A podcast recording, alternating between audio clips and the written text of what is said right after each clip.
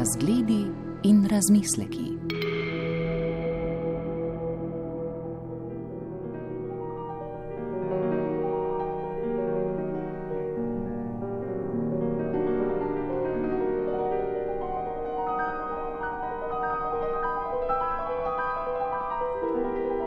Doktorica Tina Košak, letos obeležujete 50. obletnico Umetnostno-zgodovinskega inštituta Franceta Steleta kot samostojnega inštituta.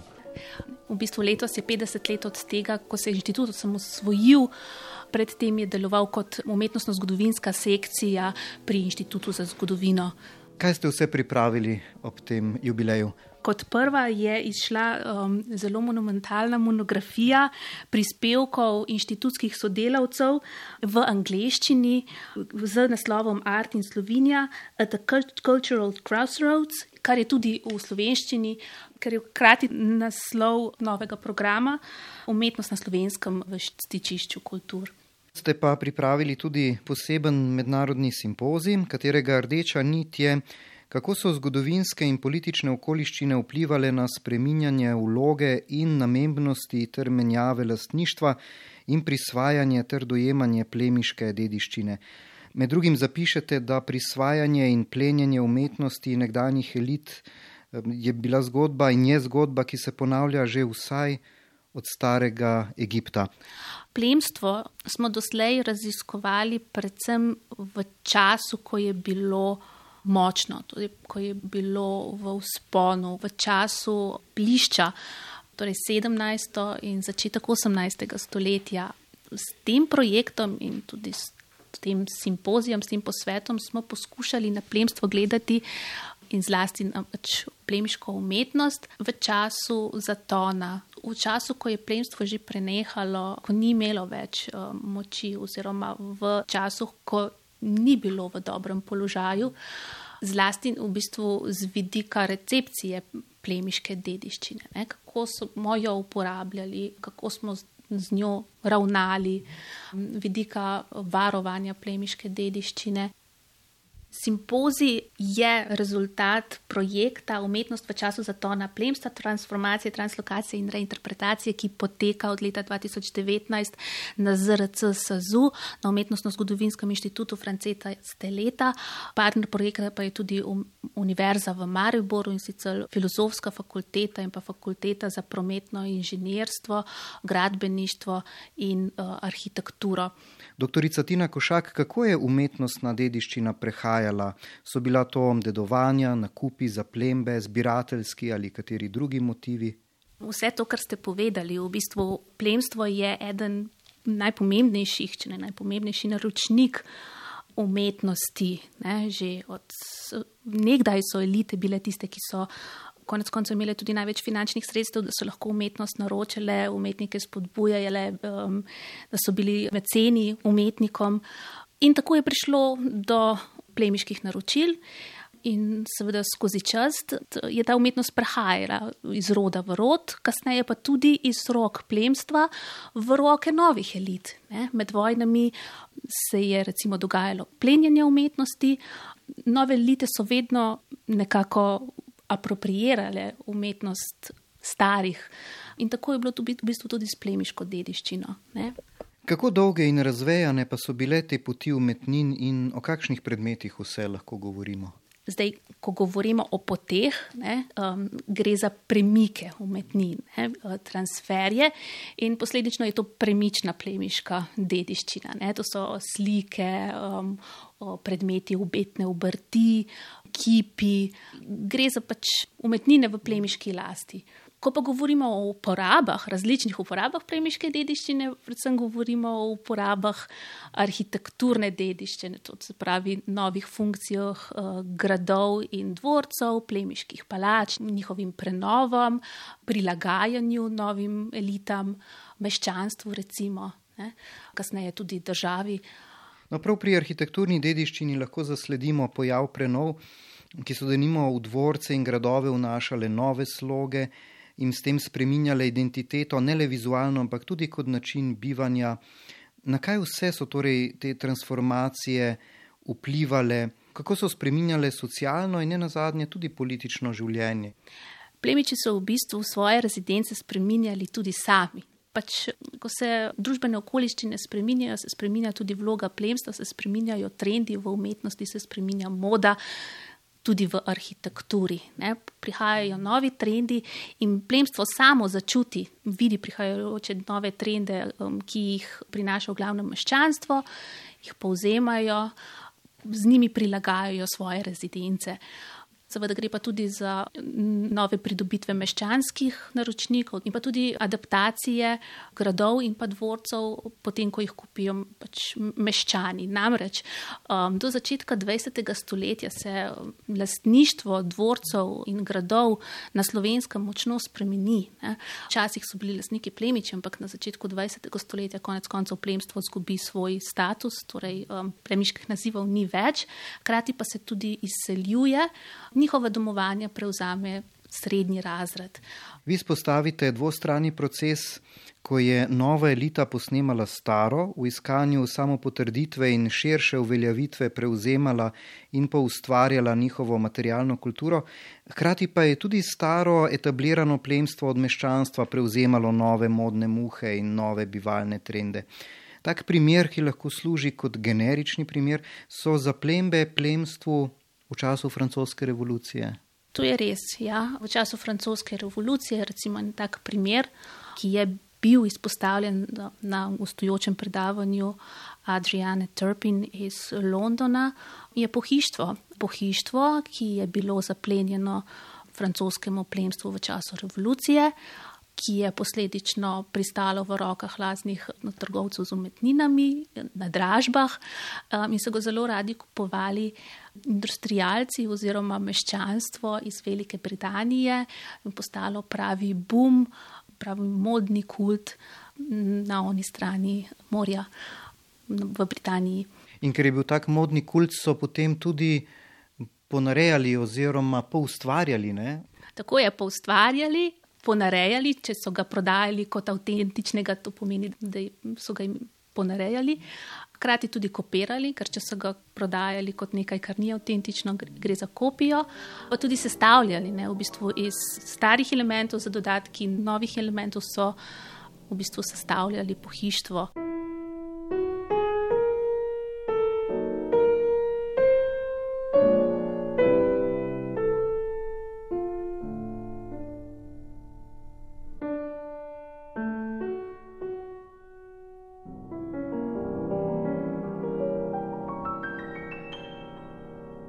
Tudi na našem ozemlju je prihajalo do raznih razprodaj, selitev, vse to je umetniška dela, predmete potisnilo tudi daleč v Evropo, če ne še dlje. Ne? Tako je, zelo veliko predmetov je bilo v bistvu izvoženih. Zdaj, če vzamemo za primer slike, nekatere še danes krožijo po um, mednarodni trgovini z umetninami. In če pozorno spremljamo dražbe po svetu, zdaj je to vse nekako dostopno na spletu. Lahko marsikatero tudi najdemo in jo potem tudi povežemo. Tako smo v bistvu v okviru projekta Umetnost v času zatona plemstva, transformacije, translokacije in reinterpretacije uspeli najti nek plemiški portret enega od grofov Auersberg. O tem smo obvestili rodbino Auersberg in oni so ga z veseljem kupili. Zanimiv je v bistvu primer, ko industrijalec Jozef Power iz Graca kupi gospodstvo, uh, skupaj z bratom Johanom kupita gospodstvo Hrastovec, torej grad Hrastovec, in prevzameta tamkajšno um, portretno galerijo Herbersteinov in jo obdržita vse čas lastništva gradu. Hkrati prevzameta tudi tamkajšno umetnostno zbirko. No, in dve pomembni statujeti, baročni statujeti, je Jozef Power podaril leta 1814 novo ustanovljenemu muzeju Joanneum v Gracu, to se pravi, um, sta bili prenešeni sicer iz province v glavno mesto, ob enem pa danes nista več ne, na slovenskem, ampak sta v Avstriji. Hkrati pa je v bistvu s tem nekako poplačal za svoj novo pridobljeni plemiški naziv. No, ne vedoč, da v bistvu ena od teh statuet izvira iz slovitega kabineta umetnin eh, cesarja eh, Ferdinanda I. Dotakniva se še pojava javnih muzejev. Zakaj so za njihov nastanek pomembne prav te poti umetnin in kakšno vlogo so imeli muzeji? Na kaj vse so vplivali, so izobraževali, oblikovali okus, celo so bili javni, zasebni. Do neke mere, seveda, so oblikovali okus, hkrati so hranili premično kulturno dediščino. To je bil v bistvu tudi čas, ko nastajajo pri nas regionalni, tako imenovani deželjni muzeji, ne, um, deželjni muzej za Kransko, recimo predhodnik Narodnega muzeja, ki je lani obeležil 200-letnico v bistvu temelji na donacijah tako starih kot novih plenmičev uh, v začetku. Ne. Pridobival je predmete v glavnem z donacijami. Je težko raziskovati vse te poti povezave. Kako potekajo to vrstne raziskave in katere ste predstavili na letošnjem simpoziju? Ja, ker na projektu sodeluje več raziskovalcev, so te raziskave precej razpršene, pokrivajo več različnih področji, tako raziskave um, arhitekture, arhitekturnih prenov gradov in dvorcev um, na eni strani, potem raziskave izvozov plemiške dediščine, zlasti v prvi polovici 20. stoletja. Hkrati potekajo raziskave naročništva v drugi polovici 18. 18. stoletja. To so predmeti, ki jih v glavnem ne poznamo več in jih lahko raziskujemo predvsem na podlagi arhivskih virov. Izpostaviva kakšen zanimiv primer iz letošnjega simpozija. Ja, v bistvu je šlo za kar precej obsežen simpozij, na njem so sodelovali referenti iz 12 držav. Mogoče so bili med zanimivejši referati kolegov iz Italije, ki so malce obrnili perspektivo in spregovorili o množičnih prodajah umetnin v Benetkah v času avstrijske predvlade od leta 1815 dalje. To je ena um, precej nova raziskovalna tema, ki postaja vse bolj priljubljena v Italiji. Za nas pa je zanimiva zato, ker bi lahko marsikateri od naših starih plemičev kakšno stvar kupil um, tudi v tem času, po 1815, ravno tam za, recimo, malce znižano ceno. Izpostavimo lahko primere ene lepših beneških palač, Kareconiko ob Velikem kanalu. Danes je tam muzej baročne umetnosti in doktorska študentka na Univerzi v Trentu, Valerija Paruco, je na simpoziju razložila, kako je do tega prišlo kaj se je s palačo dogajalo skozi zgodovino in kakšni so bili nameni uporabe njenih prostorov. Perhaps many of you have been to Venice and have um, seen the beautiful museum of 18th century Venice. Verjetno ste številni že bili v Benetkah in ste obiskali krasen muzej, posvečen Benetkam v 18. stoletju v palači Ka Reconico. Ta je ena izmed številnih, ki jih je beneško plemstvo zgradilo od 15. stoletja naprej. Leta 1797 so Napoleonove čete zauzele Benetke in so te izgubile svojo večstoletno neodvisnost in ozemlja. Poznaje je sledila še avstrijska zasedba, pa spet francoska, potem so Benetke postale del Habsburškega imperija. V tem času je beneško plemstvo propadlo. To je bil poseben sloj niso bili grofi, vojvode ali baroni, le višji sloj z veliko politično močjo, ki so jo predstavljale prav palače. V svojem prispevku na konferenci sem prikazala, kaj se je s temi nekoč tako pomembnimi in veličastnimi stavbami zgodilo po propadu Beneške republike, potem ko je tamkajšnja aristokracija izgubila svoj ekonomski, družbeni in politični status in so številne družine izumrle ali se preselile drugam. No, te palače so šle v najem in so jih razdelili na več nadstropi za različne namene. Palača Kareconiko, na primer, je sprva postala sedež tobačne uprave. Potem je prešla v last družine Piedemonte, ki pa ni nikdar živela v Benetkah, temveč v Veroni, zato so palačo oddajali umetnikom. Zaradi lepe svetlobe, ki jo omogočajo velika okna, je bilo v njej veliko slikarskih ateljejev. Palača je bila tudi sedež trgovca z umetninami in to ni šlo več za prestiž, temveč za trgovanje, prodajno galerijo. V vseh Benetkah, ne le v tem primeru, so trgovci z umetninami izkoristili prestižne prostore palač, da so tako dvignili ugled svojim zbirkam. Šlo je za tržno strategijo. Leta 1906 je lastnik palače postal Lionel Hirschel de Minerbi in ta jo je v 30-ih prodal Beniški občini, ki pa jo je namenila umetniškim delom prejšnjega stoletja. Zdaj je torej tam muzej s pohištvom in umetnostjo 18. stoletja. Med drugim so na ogled dela Kanaleta, Pietra Longija in seveda freske, ki so bile narejene prav za to palačo. Med avtorji teh je tudi Tjepolo. Zelo osupljiva pa je seveda plesna dvorana, ki jo je v začetku 18. stoletja ustvaril Giorgio Massari. On je bil drugi arhitekt palače. Dvorana je izjemna, sega čez dve nadstropji. Masari je dal za njo celo podreti strop. To je v Benitkah redko. Ni veliko plesnih dvoran, saj arhitektura tega ne dopušča. Prve pa so zasnovali prav v 18. stoletju.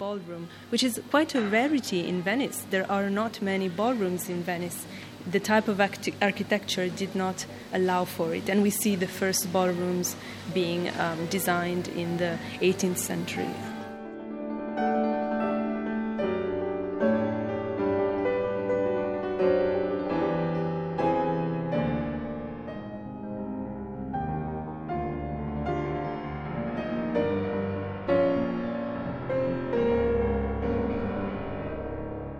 Dr. Franci Lazarini, znanstveni sodelavec inštituta Franceta Steleta, kaj bi ob jubileju 50-letnici samostojnega delovanja inštituta lahko povedali o dr. Francetu Steletu?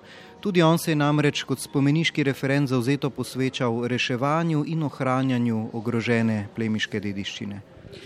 Profesor dr. Frances Tele je bil sploh ena izjemna osebnost in je ena ključnih osebnosti ne samo za razvoj slovenske umetnostne zgodovine kot stroke, ampak nasplošno eden najvidnejših slovenskih intelektualcev prve polovice 20. stoletja.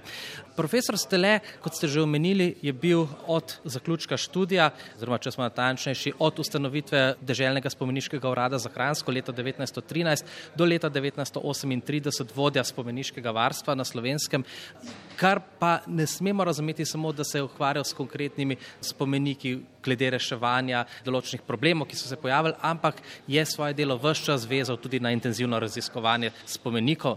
V bistvu je s svojim delom o ris zgodovine umetnosti pri slovencih iz leta 1924 postavil ogrodje slovenske umetnostne zgodovine, torej neko ogrodje, na katerega so potem ne samo on, ampak tudi drugi raziskovalci, iz katerega so izhajali.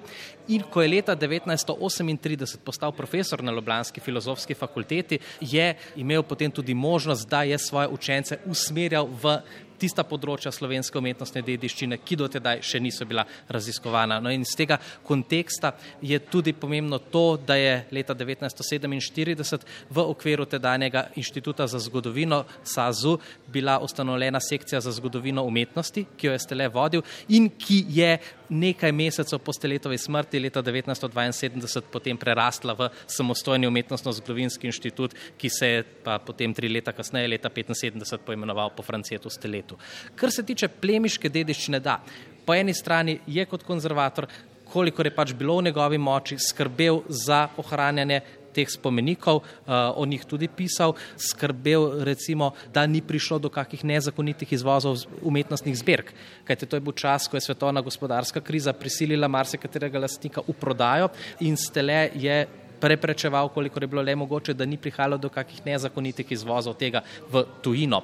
Po drugi strani pa je po drugi svetovni vojni, ki je bilo najtežje obdobje za plemiško dediščino, vseeno dajal različne pobude, iskal rešitve, kaj bi se s temi gradovi dalo narediti. Ne, razmišljal recimo o ustanovitvi muzeja plemstva v uh, gradu Slovenska Bistrica, do česar sicer ni prišlo in mnogo drugih zadev. Mogoče za konec še strneva misli ob tem simpoziju, zakaj so taki simpoziji pomembni ne le za znanstvene kroge, ampak tudi za splošno populacijo, kaj nam sporočajo. Absolutno, simpoziji so zmeraj dvoplastna zadeva. Po eni strani namenjeni znanstveni javnosti in po drugi seveda tudi širši publiki. Slovenci se mogoče premalo zavedamo, kako pomembno dediščino imamo okoli sebe in da v bistvu imamo tudi iz najzgodnejših obdobij evropsko pomembne spomenike, pa naj si gre za arhitekturo, za kiparstvo, za slikarstvo ali konec koncev za likovne zbirke, ki so visele po naših gradovih in dvorcih. No in uh, upam in prav tako kolegice, ki organizirajo to mednarodno konferenco, da bomo tudi prek te konference in preko projekta Umetnost v času zatona plemstva, ki ga kolegica docentka dr. Tina Košak vodi, uspeli tudi širši javnosti pokazati na pomen tega obdobja slovenske umetnosti. Ob simpoziju Umetnostna in arhitekturna dediščina plemstva med starimi in novimi režimi, transformacije, reinterpretacije in nove namembnosti, so organizatorke opozorile še na to posebnost. Za grafično podobo so izbrale poslikavo notranščine dvorca Betnava s praznimi slikanimi okvirji, v katerih so bile nekdaj slike. Slovita Betnavska galerija slik je po predaji dvorca Lavantinski škofiji v 60. letih 19. stoletja najprej romala v lepo prenovljeni, danes pa razpadajoči dvorec Slivnica, potem so se za večino slik zabrisale sledi. Le nekaj se jih je ohranilo pri okoliških zasebnikih, med njimi so bile posamezne po drugi svetovni vojni zaplenjene in postale narodna imovina. Ta večna dinamika pa je bila, so še dodali, pravzaprav ena ključnih značilnosti umetnostnih zbirk, ki so bile v zgodovini tudi podlaga za nastanek javnih muzejev.